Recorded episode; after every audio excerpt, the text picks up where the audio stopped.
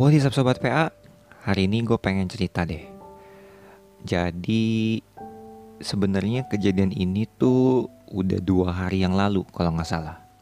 Jadi kan gue baru-baru ini memang lagi sering main TikTok kan. Dan di TikTok tuh biasanya ada yang suka nge-live. Dan yang gue suka dari live TikTok itu adalah Banyak banget dari mereka, terutama cewek-cewek Yang suka curhat dan curhatnya itu nggak melulu soal masalah percintaan.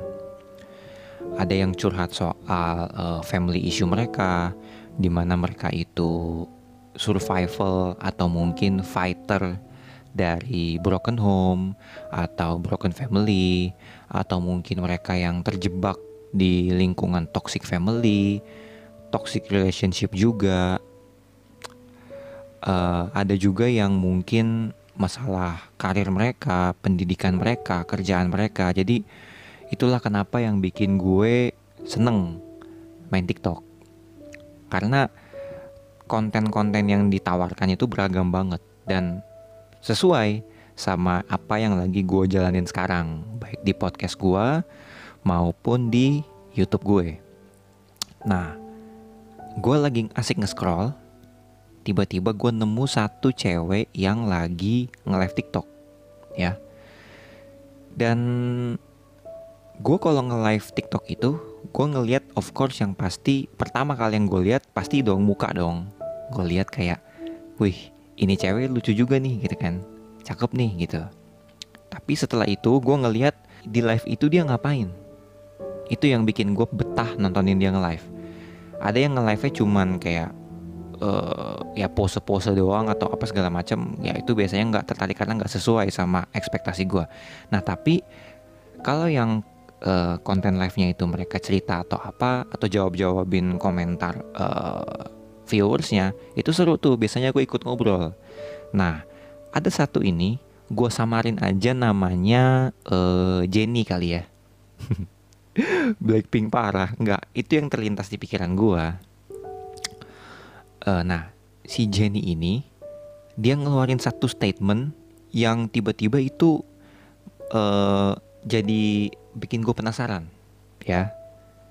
Dia tiba-tiba bilang gini, guys, mohon maaf ya, ini hari terakhir aku nge-live di TikTok, hari terakhir aku konten di TikTok, hari terakhir aku bisa buka Instagram, hari terakhir aku bisa main PUBG. FYI dia ini ya konten creator TikTok yang gaming gitu. Nah, diminta maaf di hari terakhir hari terakhir karena apa? Besok handphone dia akan dia balikin ke mamanya. Bingung dong gue di situ kan. Kenapa handphonenya dibalikin gitu? Nah ternyata setelah gue denger lagi, ternyata dia ini lagi terjebak di dalam uh, family issue. Singkat cerita, orang tuanya cukup toksik lah. Dan memang broken home juga sih. Jadi gue ceritain aja kali dari awal ya. Jadi kurang lebih gini si Jenny ini baru masuk kuliah. Dua semester. Dua semester dan salah satu impian dia itu cita-cita dia dari kecil itu masuk di kampus ini. Gue lupa lagi itu kampus apa. Gue lupa nge-record sih Iya gue lupa. Pokoknya kampus yang udah diimpi-impikan lah dari kecil. Lumayan ternama juga di daerahnya. Nah, si Jenny ini dari kecil sampai sekarang dia masuk kuliah, itu dia katanya nggak pernah sekalipun tinggal di rumah keluarganya. Jadi dia itu selalu nomaden, tinggal sama kakek neneknya, nggak berapa lama dioper ke om tantenya, dan yang sekarang ini dia lagi nge-live, dia lagi tinggal di rumah kakaknya, cicinya. Yang kebetulan itu udah nikah, udah punya keluarga. Nah, gue nggak tahu permasalahannya apa.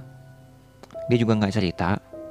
Intinya dia cuma bilang bahwa uh, dia beda pandangan lah sama mamanya soal menentukan masa depan dia.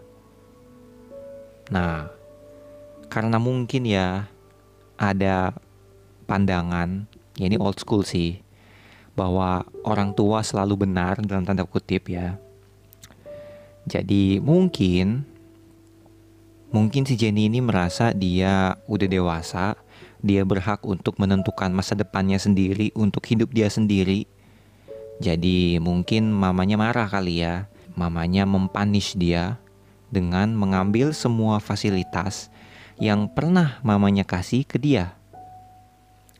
Dari mulai handphone, laptop, perhiasan, pokoknya semua fasilitas yang pernah dikasih mamanya ke anaknya yang mana itu pakai uang orang tuanya. Bayangin gak? Jadi bener-bener semua diambil ibaratnya kalau lo nonton film Thor ya, inget kan lo Thor 1 di mana Thor itu diasingkan ke bumi tanpa kekuatan apa pun. Nah itulah dia dicabut semua fasilitas yang ada dan mungkin si Jenny ini pemberani ya. Itu yang bikin gue salut. Dia pemberani jadi ya udah balikin aja. Aku akan usaha sendiri. Aku akan buktiin bahwa aku berani menentukan masa depan aku sendiri dan aku bisa bertanggung jawab atas keputusan itu. Salut banget. Kalau misalkan Jenny kamu nonton atau dengerin podcast ini, I wanna give I wanna give you my big appreciation for you, oke? Okay? Karena nggak banyak loh orang yang punya keberanian kayak gitu. Oh ya, uh, di video itu tuh dia sampai nangis-nangis. Sebenarnya nggak nangis parah sih, sampai nangis lumayan lah. Uh, nah, cuman yang bikin gue agak sedikit gimana gitu ya sama viewersnya kebanyakan dari mereka itu bilang jangan nangis dong kak jangan nangis dong kak gitu kayak I don't know mungkin mereka kurang kali ya mendapat pengetahuan soal soal bagaimana caranya menyikapi orang yang lagi sedih gitu harusnya kalau misalkan emang lo lagi sedih kita sebagai viewers ya udah kita tuh sebaiknya bilang it's okay kalau emang lo mau sedih nggak apa-apa. Sedih itu valid. Bukan berarti dengan lo sedih lo cengeng atau bukan berarti dengan lo sedih itu lo bikin orang lain juga lagi jadi sedih. Enggak, enggak, enggak. Enggak gitu. Ketika lo lagi sedih, lo butuh nangis, nangis aja. Karena dengan begitu emosi lo tuh akan tersalurkan. Sama ketika lo lagi happy, lo ketawa. Ketika lo lagi kaget, lo shock, lo diem bengong karena lo shock sama ketika mungkin lo lagi marah, nada lo mungkin meninggi atau mungkin pandangan lo jadi lebih tajam karena itu semua reaksi dari emosi yang lo punya. Dan itu sekali lagi gue bilang valid. Karena kalau misalkan lo lagi emosi, lo bilang enggak, enggak terus, itu lo mendinai, lo menahan, lo mensurprise itu emosi lo. Jangan, ya. Dan kita sebagai nonton harus bisa memfasilitasi emosi yang orang lain lagi rasain gitu nggak apa-apa lo nangis aja nah kebetulan di live itu gue karena karena gue merasakan apa yang dia rasakan ya. Gue mengalami apa yang dia alami jadi gue tulis komen. It's okay gue bilang kan. I know that's hard. I've been there gitu kan. Kalau misalkan lo mau nangis langsung lo matiin aja live-nya dulu. Lo sedih-sedihan dulu nggak apa-apa. Pikirin dulu diri lo sendiri. Jangan terlalu mikirin viewers lo karena gue kasihan lo yang ngelihatnya sampai dia ngomong aduh kepalaku sakit nih tapi aku harus nge-live temenin kalian karena bentar lagi aku udah nggak bisa live lagi. Sedih gak sih lo ngelihat orang kayak gitu? Gue tuh nggak tahu ya mikir kayak oke okay, gue bukan orang tua gue belum pernah jadi orang tua tapi apa iya sih? Lo tega ngebiarin anak lo darah daging lo yang keluar dari rahim lo menderita kayak gitu ya gak sih? Masa lo tega sih? Gue aja ngelihat dia yang maksudnya bukan darah daging gue loh ya. Cuman karena gue uh, we got something in common gitu gue pernah merasakan di posisi dia itu pun gue udah kayak iba banget gitu. Gue udah ngerasa kasihan banget gitu. Tapi itu itu yang gue bingung gitu masa lu orang tuanya tidak bisa merasakan hal yang sama ya. Nah tapi uh, karena gue pernah mengalami di posisi itu, gue belajar gitu. Kenapa sih orang tua bisa bersikap kayak gitu ke anaknya? Ya memang murni karena orang tuanya nggak tahu aja how to treat their son, how to treat their girl, how to treat their children gitu kan. Gimana caranya memperlakukan anak dengan baik. Karena gue bukan yang sok mengguru ya tapi gue belajar gitu bahwa jadi orang tua itu bukan sesuatu yang gampang men anak itu titipan. Jadi gimana tuh anak? Ya itu masih ada peran dari kita orang tua. Jadi makanya kenapa gue wanti-wanti banget buat kalian semua yang udah ngebet banget mau nikah ngebet banget pengen punya anak. Lo tuh siap gak sih punya anak? Karena sekali lagi ya anak itu nggak minta dilahirin loh. Tapi orang tua atau kalian lah yang pengen punya anak. Dan ketika anak itu lahir kalian merasa bahwa kalian udah berjasa ke si anak itu. Kalian udah mengandung 9 bulan, kalian membesarkan. Padahal itu bukan jasa loh kalau dipikir-pikir. That's your responsibility to do that gitu kan. Tanggung jawab kalian ke yang maha kuasa yang udah ngizinin kalian untuk punya anak. Tanggung jawab kalian untuk si anak ini bisa hidup dengan baik. Ya kan? Ketika mereka mau jadi apa, sebagai orang tua, ya kita harus bisa memprovide itu. Sama kayak ketika anaknya sekolah, ya kita harus kasih fasilitas yang semaksimal mungkin. Iya kan? Makanya kenapa ketika dia memilih jalannya sendiri, kenapa dia digituin gitu? Kenapa tiba-tiba dia dipersulit? Gue tahu ketika gue ngomong ini pasti banyak banget dari kalian yang ngerasa kayak ah lu mah belum jadi orang tua. Pasti ketika jadi orang tua lu akan beda. Nggak apa-apa, gue terima. Karena kan itu opini setiap orang ya, bebas.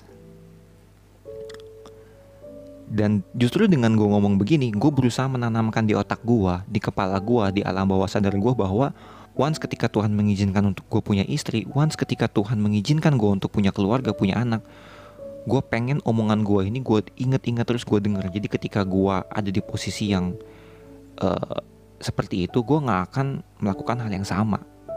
Selama anak gue ngelakuin hal yang positif, kenapa harus gue persulit gitu? Nanti ketika misalnya anaknya jadi negatif, lu salahin lagi tuh anak. Tapi ketika anak itu berusaha melakukan hal yang positif dengan caranya dia sendiri, lo juga nggak suka. Jadi sebenarnya lo maunya gimana? Lo sebenarnya pengen punya anak atau pengen punya boneka? Karena aku percaya gini ya. Semua orang tuh bisa jadi orang tua. Tapi nggak semua orang pantas jadi orang tua. I know ini terkesan keras kalimatnya, tapi coba lu pikir-pikir deh. Lu coba tenangin emosi lo dulu, lo pakai akal sehat lo dulu. Bener nggak omongan gue? Kalau salah nggak apa-apa. You can skip this video, you can skip this podcast, and walk away. It's okay. I owe you nothing gitu. Coba lu pikir deh. Ya ketika lo punya anak, ya udah lo jadi orang tua otomatis. Tapi bagaimana nih anak ini bertumbuh ke depannya? itu akan menunjukkan kepantasan lo sebagai orang tua. Ya kan, bener dong. Ya kan, ketika lo menikah, berhubungan suami istri, lo punya anak, ya lo udah otomatis jadi orang tua. Tapi lo pantas atau enggak jadi orang tua, itu udah opini si anak. Itu udah bukan lagi tanggung jawab lo lagi. Udah bukan udah udah udah udah bukan bola, udah bukan di tangan lo. Lo cuma melakukan apa yang lo bisa demi mendukung atau menjaga agar si anak ini tumbuh dengan baik, bisa mencapai cita-citanya, mimpi dia dengan baik. Itu kan? Gue bikin video ini, gue bikin episode ini bukan buat uh, menggurui siapa pun, no no no no. Yang gue sasar di episode ini adalah kalian-kalian yang lagi ngerasa bahwa kalian ada di titik terendah, kalian mau meraih mimpi tapi nggak disupport sama siapa pun, apalagi sama orang tua kalian, kalian diragukan, kalian dipersulit kesannya sama orang tua kalian, percayalah itu nggak akan lama. Oke, okay? mungkin kalian ngerasa, tapi gue udah ngejalanin ini bertahun-tahun kak, bro, do, bang. Gue cuma mau kasih satu kalimat yang ini juga menguatkan gue. Yang maha kuasa itu nggak mungkin ngizinin sesuatu terjadi kalau dia nggak tahu kita itu nggak kuat ngehandle-nya. Kita itu dipilih untuk ngalamin ini semua karena gue yakin ada something big di depan yang udah Tuhan kasih buat kita. Yang mana kalau kita nggak ditempa, ketika nanti kita dapat hal yang besar itu dari Tuhan, kita akan kaget, kita akan lupa diri, kita mungkin bisa jadi sombong. Nah itulah kenapa yang Maha Kuasa mengizinkan kita untuk merasakan ini semua, biar kita tahu ketika kita udah jadi orang, ketika kita udah punya power, kita nggak akan memperlakukan orang yang di bawah kita itu dengan semena-mena. Kurang lebih kayak gitu. Nah, satu hal yang interesting dari cerita ini akhirnya gue berteman sama dia. Uh, kita follow-followan di TikTok maupun di Instagram dan gue langsung lah uh, nge-DM dia gue kasih penyemangat gue kasih hiburan dan gue cukup seneng karena dia itu dikelilingi sama environment followers-followers yang peduli sama dia. Maksudnya bukan followers-followers pervert yang cuma itu tau lah ya followers pervert berotak rendah gitu yang cuma otak selangkangan doang gue pengen benci banget kayak gitu. Banyak banget yang ngasih dia positif uh, banyak banget yang peduli sama dia banyak banget yang ngasih dia kata-kata yang memotivasi bahkan sampai ada komunitas gamer dia yang berusaha pengen ngebantu banget beliin dia handphone biar dia bisa ngonten lagi. Salut banget sih gue sama followers followers dia di TikTok gitu ya. Baik-baik banget kalau gue bilang gitu. Dan akhirnya gue temenan meskipun cuma umurnya cuma dua hari ya cuma uh, ya respon dia juga gue apresiasi banget sih karena gue jujur baru pertama kali atau kedua kali ya di follow sama strangers yang kita kenalnya lewat DM gitu. Karena we got something in common gitu kan. Gue DM dia gini halo Jen. Aku kebetulan tadi nonton live TikTok kamu pas siang-siang. Akun aku Eduardo underscore Adam kalau kamu inget Anyway, dari cerita kamu tadi, aku cuma bisa ngasih kamu semangat sekaligus harapan kamu bisa kuat ngejalanin ini semua. Aku nggak tahu kamu, kamu pun juga nggak tahu aku. Tapi kurang lebih aku pernah ada di posisi kamu. Sampai sekarang sih. Meski udah nggak separah dulu, tapi sedikit banyak aku mengerti rasa sakitnya. Apa yang kamu rasain, I know that's hard. Tapi keputusan kamu buat tetap maju itu aku salut banget. Entah kenapa kalau ketemu kasus yang mirip, aku merasa kayak lagi ngeliat teman seperjuangan. Maybe it sound cliche, but if you need someone to chit chat, or deep talk gitu aku bisa kok. Karena basically aku juga punya podcast yang kontennya dengerin cerita pendengar aku juga. I hope you are doing amazing job. Oh by the way, thanks sudah fallback ya. Jarang banget soalnya stranger fallback aku. Terus balasan dia itu yang tadi gue bilang gue appreciate banget. Dia bilang, halo do, hehehe, sebelumnya aku berterima kasih banyak ya karena kamu udah ngeluangin waktu kamu untuk buka IG dan DM aku seperti ini bahkan luangin waktu untuk ngetik panjang ke aku dengan tujuan ngingetin agar aku tetap kuat. Terima kasih banyak. It's okay, I'm okay right now. Apa yang terjadi pada diri aku, aku jadikan pelajaran ke depannya supaya aku nggak seperti itu kelak.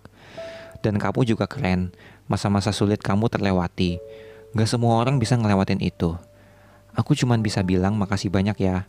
Terima kasih kembali karena udah support aku. Terus gue bilang, iya sama-sama I hope we can help many broken-hearted young people. Bahwa broken family or broken home bukan berarti kita harus broken juga. Terus dia bilang, relate. Aku sempat kepikiran, aku sempat kepikiran untuk menyerah dan akhiri semua. Tapi ketika aku coba kontrol emosiku, aku terlalu sayang rasanya kalau aku pergi ninggalin orang-orang yang menyayangi diriku.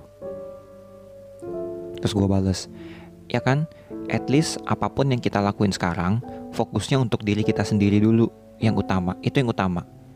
Aku selalu mikir gini ibarat film kita ini lagi di fase krisis aja.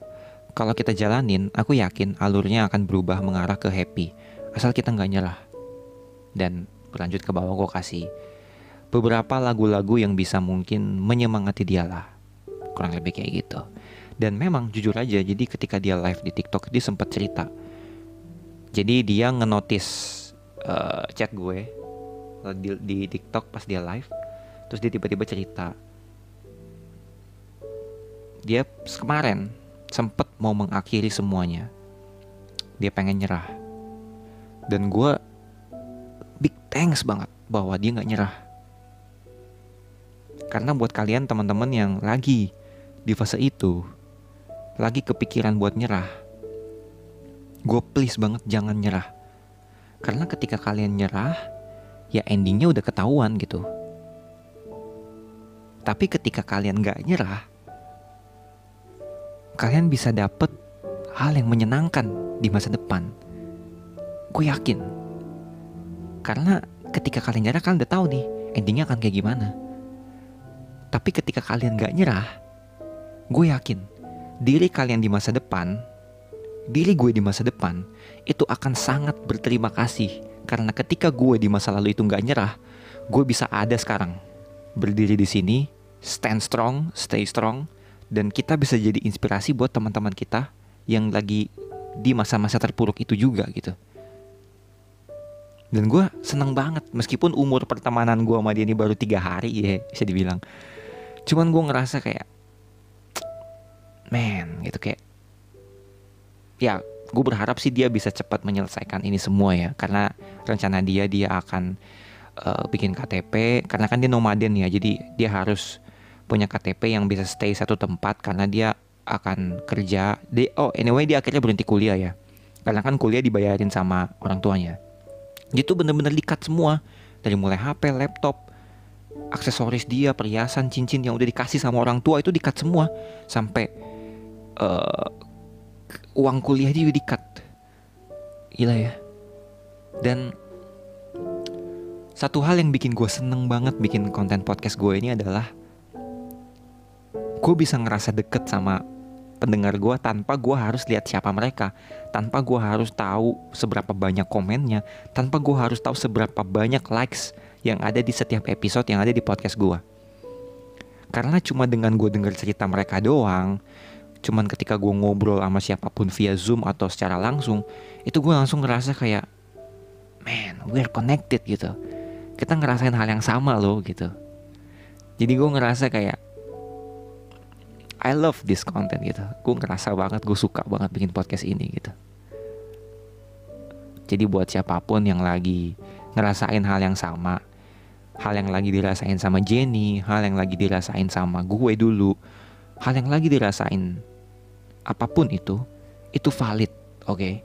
lo nangis lo seneng lo happy lo sedih lo kecewa lo ngerasa terpuruk it's okay it's normal itu namanya emosi Take your time, ambil waktu kalian untuk sendiri dulu, untuk berpikir menenangkan diri. Kalau kalian butuh cerita, mungkin kalian bisa cerita ke orang yang kalian percaya, ya. Tapi kalau kalian nggak punya siapa pun dan kalian tertarik untuk cerita ke gue, feel free boleh langsung DM gue ke Instagram at edu underscore McAllister. Gue berusaha semaksimal gue mungkin untuk dengerin kalian dan ya kalian bisa percaya sama gue karena gue pun juga ngalamin hal yang sama dan gue nggak mau bilang kalian itu korban dari toxic family, korban dari broken heart, korban dari broken family. No, no, no. Gue secara khusus manggil kalian adalah fighter.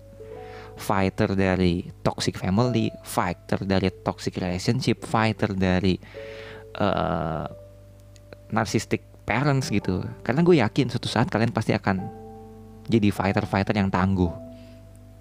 Itu menurut gue. Oke, itu aja untuk episode kali ini.